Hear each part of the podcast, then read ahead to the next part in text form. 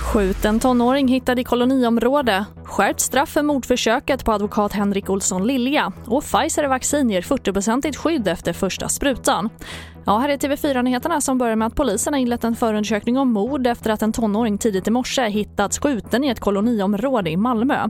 Enligt uppgifter till TV4-nyheterna är offret en tonåring och enligt Sydsvenskan har han skjutits i huvudet. Platsen har spärrats av och polisen efterlyser vittnen till händelsen. Det finns i nuläget ingen misstänkt.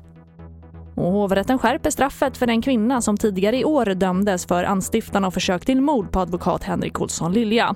Toppjuristens straff skärps av hovrätten till 15 års fängelse från tingsrättens straff på 14 år.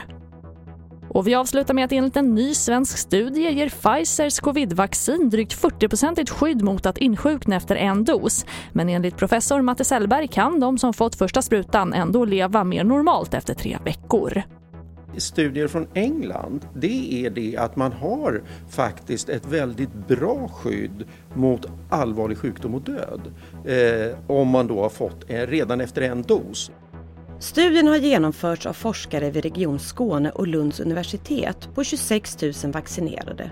Det forskarna studerat är risken för personer mellan 18 och 64 år att infekteras av viruset efter vaccinering oavsett hur allvarliga symptomen blir.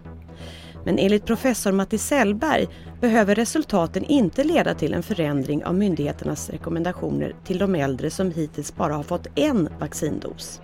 Man är inte färdigvaccinerad förrän efter andra dosen så självklart ska man kanske vara lite försiktig efter en dos. Va? Men sannolikt är det så att efter tre veckor, ja, du, du har ett skydd så att säga mot att bli lindrigt sjuk som ligger på kanske 40-50 procent.